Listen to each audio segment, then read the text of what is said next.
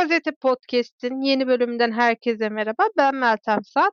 Bugün sevgili arkadaşım Cem Özen'le birlikte yine gündeme dair en sıcak gelişmeleri konuşacağız. Cem hoş geldin. Hoş bulduk. E, bugün gündemimizde Türk siyaseti var. Biliyorsun Meral Akşener e, Cumhurbaşkanlığı seçimlerinden sonra uzun süren sessizliğini bozdu ve 26 Ağustos ve Büyük Taarruz'un yıl dönümünde Afyon Kocatepe'de yaptığı açıklamada e, yerel seçimlere dair çok çarpıcı beyanlarda bulundu. E, bu açıklamaların aslında en çarpıcı tarafı parti olarak yerel seçime tek başına girme kararı aldıklarını açıkladı Akşener. Ve bu büyük bir ses getirdi. Bu resmi olarak Millet İttifakı'nın da sona ermesinin anlamına geliyor aslında. Ben şunu merak ediyorum ve hızlıca e, sana da sormak istiyorum. Sence muhalefet yerel seçimleri tekrar Millet İttifakı olarak girebilecek mi?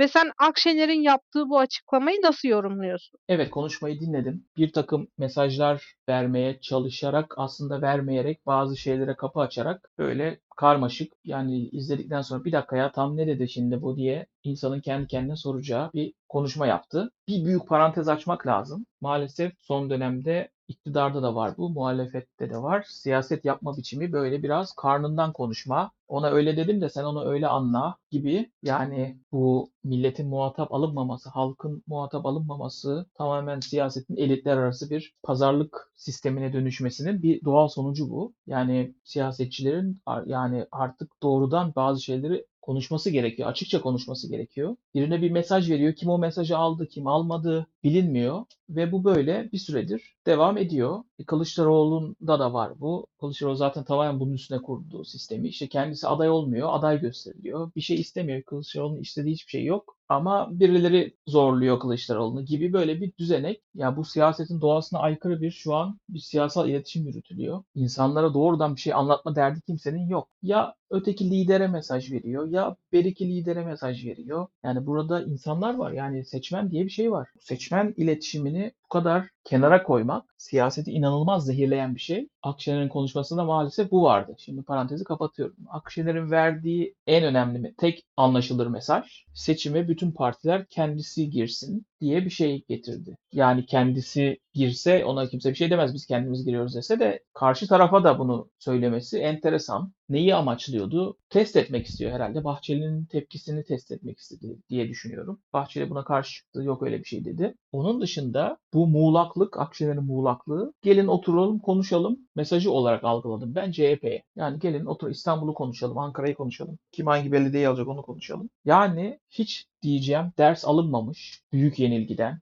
Hiç ya biz ne yaptık, niye yenildik, nasıl bu hale geldik, elimizdeki seçimi nasıl verdik diye hiç böyle bir kafa yorulmamış, düşünülmemiş. Böyle bir kongre yapıldı. Tekrar başkan seçildi Akşener. E, CHP'de ne oldu zaten tam bir komedi. Böyle yani muhalif siyasetin ne kadar bunu söyleyeceğim rezil bir durumda olduğunu Akşener'in konuşması bir kez daha teyit etti. Ve ya bunu sık sık bence tekrarlamak da lazım. Yani hem Kılıçdaroğlu hem Akşener kesinlikle istifa etmeli. Yani bu başarısızlıktan birileri kendine pay çıkarmalı ve istifa etmeli. Tekrar konuşmaya gelirsek belli ki Akşener pazarlık masası istiyor. Küçük partileri istemiyor. Şu andan görünen o ki çok sular geçecek tabii. Çok sular akacak bu seçime kadar ama oturalım konuşalım. İstanbul Ankara'da gene ortaklık. Yani 2019'dan farklı bir şey öneriyor mu diye düşünüyorum. Ben bir şey göremiyorum. Belki bazı illerde kendi başına girmek ister İyi Parti. Ki o aslında 2019'da da öyle olmuştu.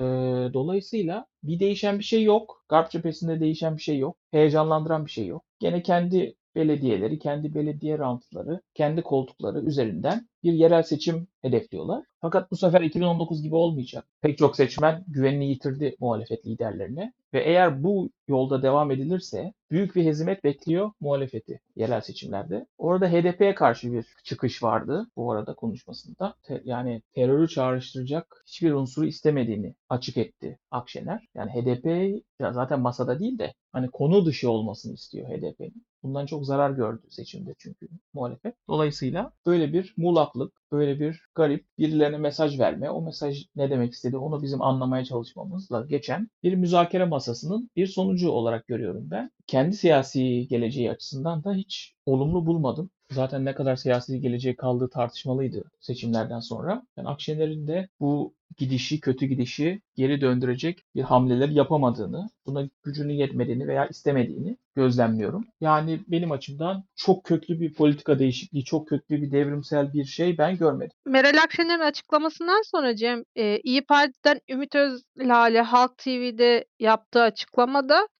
ya artık Ekrem İmamoğlu ve Mansur Yavaş'ın eee, CHP'nin belediye başkanları olduğunu belirtti. Bu da aslında çok çarpıcı bir açıklamaydı. Ben Meral Akşener'in açıklamasını şöyle değerlendirdim. Öncelikle eee, geç de olsa seçimlerden sonra ilk defa Millet İttifakı'ndan bir partinin genel başkanı seçmenden özür diledi. Yani gecikmeli de olsa birazcık çarpıcı bir durumdu. Biz bu özrü 28 Mayıs gecesi Kemal Kılıçdaroğlu'ndan bekliyorduk aslında. E, ben şöyle değerlendiriyorum. Daha önce de hem Deva Partisi'nin hem Gelecek Partisi'nin benzer açıklamaları oldu. Zaten Ali Babacan da sık sık bağımsız bir parti olduğunu ve seçimlere tek başına girmek istediklerini vurguluyor. Şimdi CHP'nin içinde çok komik bir kurultay süreci ya- yaşanıyor aslında. Bir tarafta istifadan e, sürekli kaçınan ve istifa lafını duyduğunda bir ürperti kaplayan e, ve kaybetmiş 13 kere seçim kaybetmiş bir genel başkan var. Öbür tarafta onu istifaya zorlayan e, değişimciler var ve Kemal Kılıçdaroğlu aslında Cem Millet İttifakı partilerinden şunu bekliyordu. Seçimi kaybetmiş bir cumhurbaşkanı adayı olmasına rağmen kendi partisinin içindeki koltuk savaşında ona destek olmalarını ve kaybetmiş bir aday olmasına rağmen özellikle altını vurguluyorum bunu. Onu haklı görmelerini ve desteklemelerini istiyordu. Birazcık Millet İttifakı partilerini hani bu koltuk savaşında çekmeye çalıştı. Yanlarımda yanımda dururlar diye bekledi. Ancak beklediği gibi olmadı. Şimdi İyi Parti'de Deva da kendi seçmenine hani CHP'nin bu kavgasının uzaklaştığı mesajını veriyor aslında. Meral Akşener Eee, çok fazla göçmen sorunundan bahsetti 26 Ağustos'ta. Yeni bir başlangıç yapıyoruz dedi. Beyaz sayfa çekiyoruz dedi açıklamasını. Bunlar da açıklamasının çarpıcı yönleriydi bana göre. Ancak dediği gibi artık hani muhalefet seçmeni Millet İttifakı partilerine karşı güvenini yitirdi. Çünkü bana kalırsa hem bir seçmen hem de bir gazeteci olarak Millet İttifakı'nın en geç 29 Mayıs'ta en geç diyorum hani bir araya gelip "Seçim neden kaybettik?" isimli bir toplantı yapması gerekiyordu. Ancak onun yerine CHP kendi içindeki koltuk kavgasına daldı. Diğer partiler çıkıp konuşmaktan kaçındı. İyi Parti hemen hızlıca bir kurultay sürecine gitti ve Meral Akşener'i tekrar genel başkan seçti. E şimdi partiler aslında yavaş yavaş yerel seçim pazarlıklarına başladı gibi oldu. Ben Ümit Özdağ'ın açıklamasını çok ilgi çekici buldum. Direkt olarak e, Mansur Yavaş da Ekrem İmamoğlu'nu CHP'nin belediye başkanı ilan etti. Ve Ekrem İmamoğlu'yla Meral Akşener'in arasındaki ilişkiyi ve ona verdiği desteği biliyoruz. Zaten açıklamasında da dedi Erdoğan'a karşı çok kuvvetli iki adayımız varken kaybettik. Onlara aday göstermeliyiz diye. Ancak Mansur Yavaş gibi ülkücü hareketten, milliyetçi hareketten gelmiş bir ismi direkt olarak CHP'yle ilan etmesi Ümit Özdağ'ın bana çok çarpıcı geldi. Ben kısaca e, Ümit Özdağ'ın bu açıklamasını da sormak istiyorum sana. Sen ne düşünüyorsun? E, izledin mi yayını? Şöyle, Meral Akşener bunu daha önce de yaptı. Bu onun siyaset yapma tarzı. Kendi söylemediği, söyleyemediği ya da söylenince nasıl insanların reaksiyon vereceğini merak ettiği şeyleri kurmaylarına söyletiyor. Ben yine aynı olayın olduğunu düşünüyorum. Ümit Özlale böyle bir bu iki kişiyi dışlayarak, bu iki kişiyi dışlayarak nasıl tepki alacaklarını ölçmek istedi ve o yüzden konuştu. Açıkçası bunu ben kesin bir veri ve bundan sonra da böyle olacak diye düşünmüyorum. Tamamen pazarlık masasının o bitmeyen o kaybettiren, hiç umut vermeyen, kapalı kapılar ardındaki pazarlık masasının bir başka yönü olduğunu düşünüyorum açıkçası. Yani hiçbir önemi yok. Yani böyle dediler. İki ay sonra İstanbul'da İmamoğlu'nu, Ankara'da Mansur Yavaş'ı destekliyoruz diye açıklamayı da yine belki Ümit Özdağ'la yapar. Dolayısıyla ben pek etkili, pek vurucu, pek belirleyici bir konuşma olduğunu düşünmüyorum. Peki şimdi e, seçim döneminden konu açıldı e, ve seçimden devam edelim. Biliyorsun seçim döneminde e, Kemal Kılıçdaroğlu'nun eee, vaatleri arasında gençlere vergisiz telefon ve tablet de vardı. Hükümet de bu fikri, eee, kullanmak istiyor ve yakın zamanda yeni bir polemik meydana geldi aslında. Çok da herkesin, eee, bilgi sahibi olmadığı ve kafa karışıklığı yaratan bir konu. Bir adım atmaya karar verdi. Gençlere, eee, ilk kez telefon alacak gençlere vergisiz telefon ve tablet verileceğini açıkladı. Eee, ancak bunun henüz içeriği net değil. Sence hükümet gençlere tırnak içinde bu kıyağı yapar mı? Bu ÖTV'siz telefon ve tablet, eee, olayına girer mi? Türkiye'de son dönemde iktidarın bir politikası var. Bu tip tırnak içinde kıyak durumlarında bu işi uzattıkça uzatıyor, konuşturdukça konuşturtuyor ki kendisine bağımlı hale gelsin insanlar. Yani bir konu varsa hemen onu çözeyim demiyor. EYT konusu olsun, af konuları olsun, diğer konular olsun. Uzuyor, uzuyor, uzuyor, uzuyor, uzuyor. İçine başka şeyler giriyor, kapsamı genişletiliyor, kapsamı daraltılıyor falan filan. Şimdi bu telefon olayı da bence biraz böyle. Hükümet bunu kısa sürede hemen yasasını çıkarıp uygulamaya geçmeyecek. Devamlı bu konuşuluyor. Kimleri kapsayacak, hangi telefonları kapsayacak, ne kadar internet verecek, kaç GB internet verecek, açık öğretim öğrencilerini kapsayacak mı, kapsamayacak mı? Yani böyle ben biraz da dalga geçiyorum bu konuyla. İşte, telefon affı çıkar mı, telefon barış sağlanır mı falan diyorum. Böyle anlamsız, uzadıkça uzayan, yani oturun çalışın teknik olarak hazırlayın ve mecliste kabul edin ve uygulayın. Öyle bir süreç olmuyor. Bunu politik olarak böyle kullanıyorlar. Şimdi öğrenciler durmuş, izliyorlar. Alacak mıyım? Ucuza bir telefon kapar mıyım? Ucuza bir tablet, bilgisayar kapar mıyım diye. Maalesef bir zavallılık içinde bekliyorlar. Bu konu öyle belirlendiğiyle bitecek değil. Uzar, başka şeyler işin içine girer. İşte kaç GB internet olacağı tartışılır. Kapsam kim olur? Yaş sınırı olacak mı? Böyle Türkiye'deki böyle konular affedilecek mi? Devletimiz bize bir şey bağışlayacak mı?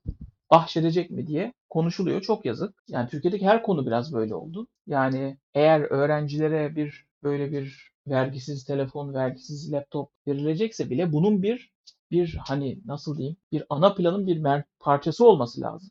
Yani gençlerin dijital dünyayla buluşması diye bir ana master plan olur. O planın bir sürü ayağı olur. O planlardan birbiriyle bağlantılı olur bunlar. Birbirini besler. Bir makro bakışla bir program hayata geçirilir de orada da işte öğrencilere ucuza laptop, ucuza telefon sağlamanın da yolu için bir şeyler konuşulur teknik olarak. O da orada yer alır falan filan. Öyle bir şey yok. Böyle ekonomi kötü. Çocuklar telefon almakta, tablet almakta zorlanıyorlar. Kılıçdaroğlu da zaten popülist şekilde böyle bir vaatte bulunmuştu. E onun vaadini elinden alabilmek için biz bir şey yapalım diyorlar. Böyle ne başı belli, ne sonu belli, ne amacı belli. Birileri bir şeyler alacak. Yani Türkiye böyle maalesef saçma tartışmalarla sürüklenip gidiyor. Ben dolayısıyla bu konunun uzayacağını düşünüyorum. Aylara yayılacağını düşünüyorum. İşte alabiliyoruz mu, ala, alamıyoruz mu? Alabiliyoruz mu, alamıyoruz mu? Böyle böyle böyle böyle. belki yerel seçime kadar gider.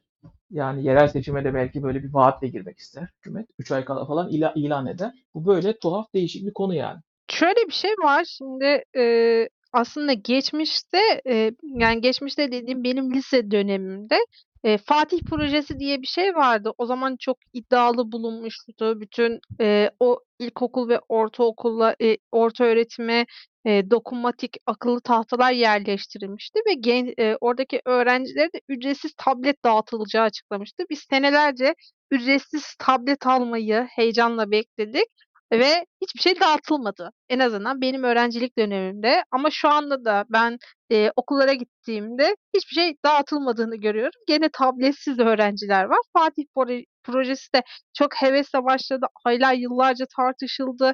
E, bu öğrenciler nasıl ücretsiz tablet alacak? Şartları neler? Tableti evimize mi götüreceğiz? Okulda mı bırakacağız diye.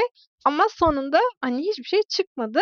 E, şu anda da ben şunu merak ediyorum aslında. Şimdi e, seçimden önce biliyorsunuz sokak röportajlarının bir klişesi vardır. Çıkar telefonunu göster diyen amcalar. Şimdi bu e, yeni dönemde eğer devlet ki e, bazı kulis e, bilgilerine göre 7 milyon öğrenciyi kapsayacağı ve sadece Türkiye'de üretimi gerçekleşmiş telefonların e, kapsam altına alınacağı söyleniyor. Şimdi bu sokak röportajları tekrarlanırsa e, bu amcalar gidip gene çıkar telefonunu göster dediklerinde devlet desteğiyle alınmış telefonu görünce ne yapacaklar?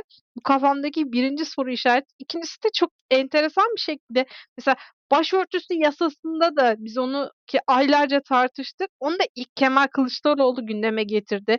E, helalleşme e, adımı olarak dedi biz başörtüsüyle de helalleşeceğiz dedi. Anayasaya sokacağız e, iktidara gelince dedi. Hükümet bunu da alıp bir şekilde kendince negatife evirdi ve e, LGBTİ bireylerin e, hakkında e, bir yasa değişikliğine kadar gitti bu. Bunu tartışmalara açtı. O zaman da çok konuşuldu. Şimdi tablet olayını da ilk Kemal Kılıçdaroğlu vaat olarak gündeme getirdi ve yine negatiflikle sonuçlanacak. Ben şunu çok enteresan buluyorum. Neden Kemal Kılıçdaroğlu'nun gündeme getirdiği her şey bir şekilde negatiflikle sonuçlanıyor? Acaba onun vaatleri mi çok popülistti ya da hükümet mi bunu işin negatif yönüne çevirmeyi başarıyor sence? Kılıçdaroğlu'nun siyaset bilmemezliğinden kaynaklanan bir şey. Bir şeyi bedava yapmak, bir şeyi dağıtmak onun için bir siyasi vaat gibi geliyor. Ama öyle olmuyor. Bunu zaten beceremiyor. Senin söylediğin gibi pek çok beceriksizliği var Kılıçdaroğlu'nun. Ee, yani siyasi beceriksizlik işin özeti aslında. Yani siyaset yapmayı bilmiyor. Siyasetin dinamiklerini bilmiyor. Memur şu bedava olacak, bu bedava olacak diye bol keseden atmayı biliyor sadece. Cem, Sesli Gazete'nin manşetini atmadan önce eklemek istediğin herhangi bir şey var mı konuştuğumuz konular hakkında? Hayır. Peki, Sesli Gazete'nin bir bölümünün daha sonuna geldik. Bugün Sesli Gazete'de e, Türk siyaseti konuştuk. Önce Meral Akşener'in 26 Ağustos'ta Büyük Taarruz'un yıl dönümünde Afyon'da verdiği çarpıcı mesajları değerlendirdik Cem'le. Ardından günlerdir tartışılan gençlere ÖTV'siz telefon ve tablet e, taslağını tartıştık Cem'le beraber. Sesli Gazete'nin bir bölümünün daha sonuna geldik. Sesli Gazetemizin geçmiş bölümlerini yeniden dinlemek ve yeni bölümlerimizden haberdar olmak için bizleri Spotify, iTunes ve Google Podcast kanallarımızdan takip edebilirsiniz. Ayrıca Sesli Gazete ile ilgili her türlü görüş ve öneriniz için Twitter slash Ahmet Cem Özen ve Twitter slash Mertem Suat adreslerinden bize ulaşabilir. Daktilo 1984'ün diğer içerik ve yayınlarına göz atmak için web sitemizi ziyaret edebilir ve son olarak YouTube kanalımıza abone olup katıl butonuna tıklayarak bizleri destekleyebilirsiniz. Hoşçakalın.